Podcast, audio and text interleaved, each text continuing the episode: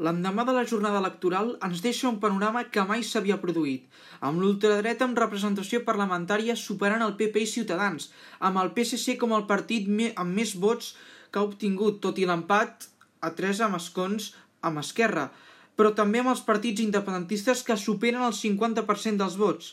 Salvador Illa va anunciar ahir que es presentaria al debat d'investidura i que buscaria tots els suports possibles per tirar-la endavant.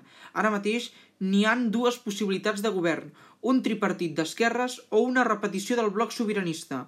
Això dependrà d'Esquerra Republicana, que vol l'amnistia i continuar dialogant amb el govern de Sánchez.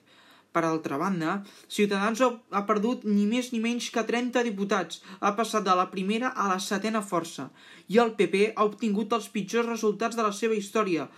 Per últim, el PDeCAT ha quedat fora del Parlament i no ha assolit l'objectiu d'entrar-hi.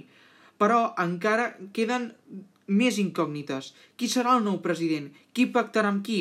O per al contrari, hi haurà bloqueig polític per primer cop i anirem a unes segones eleccions? Tot això ho sabrem en els propers mesos.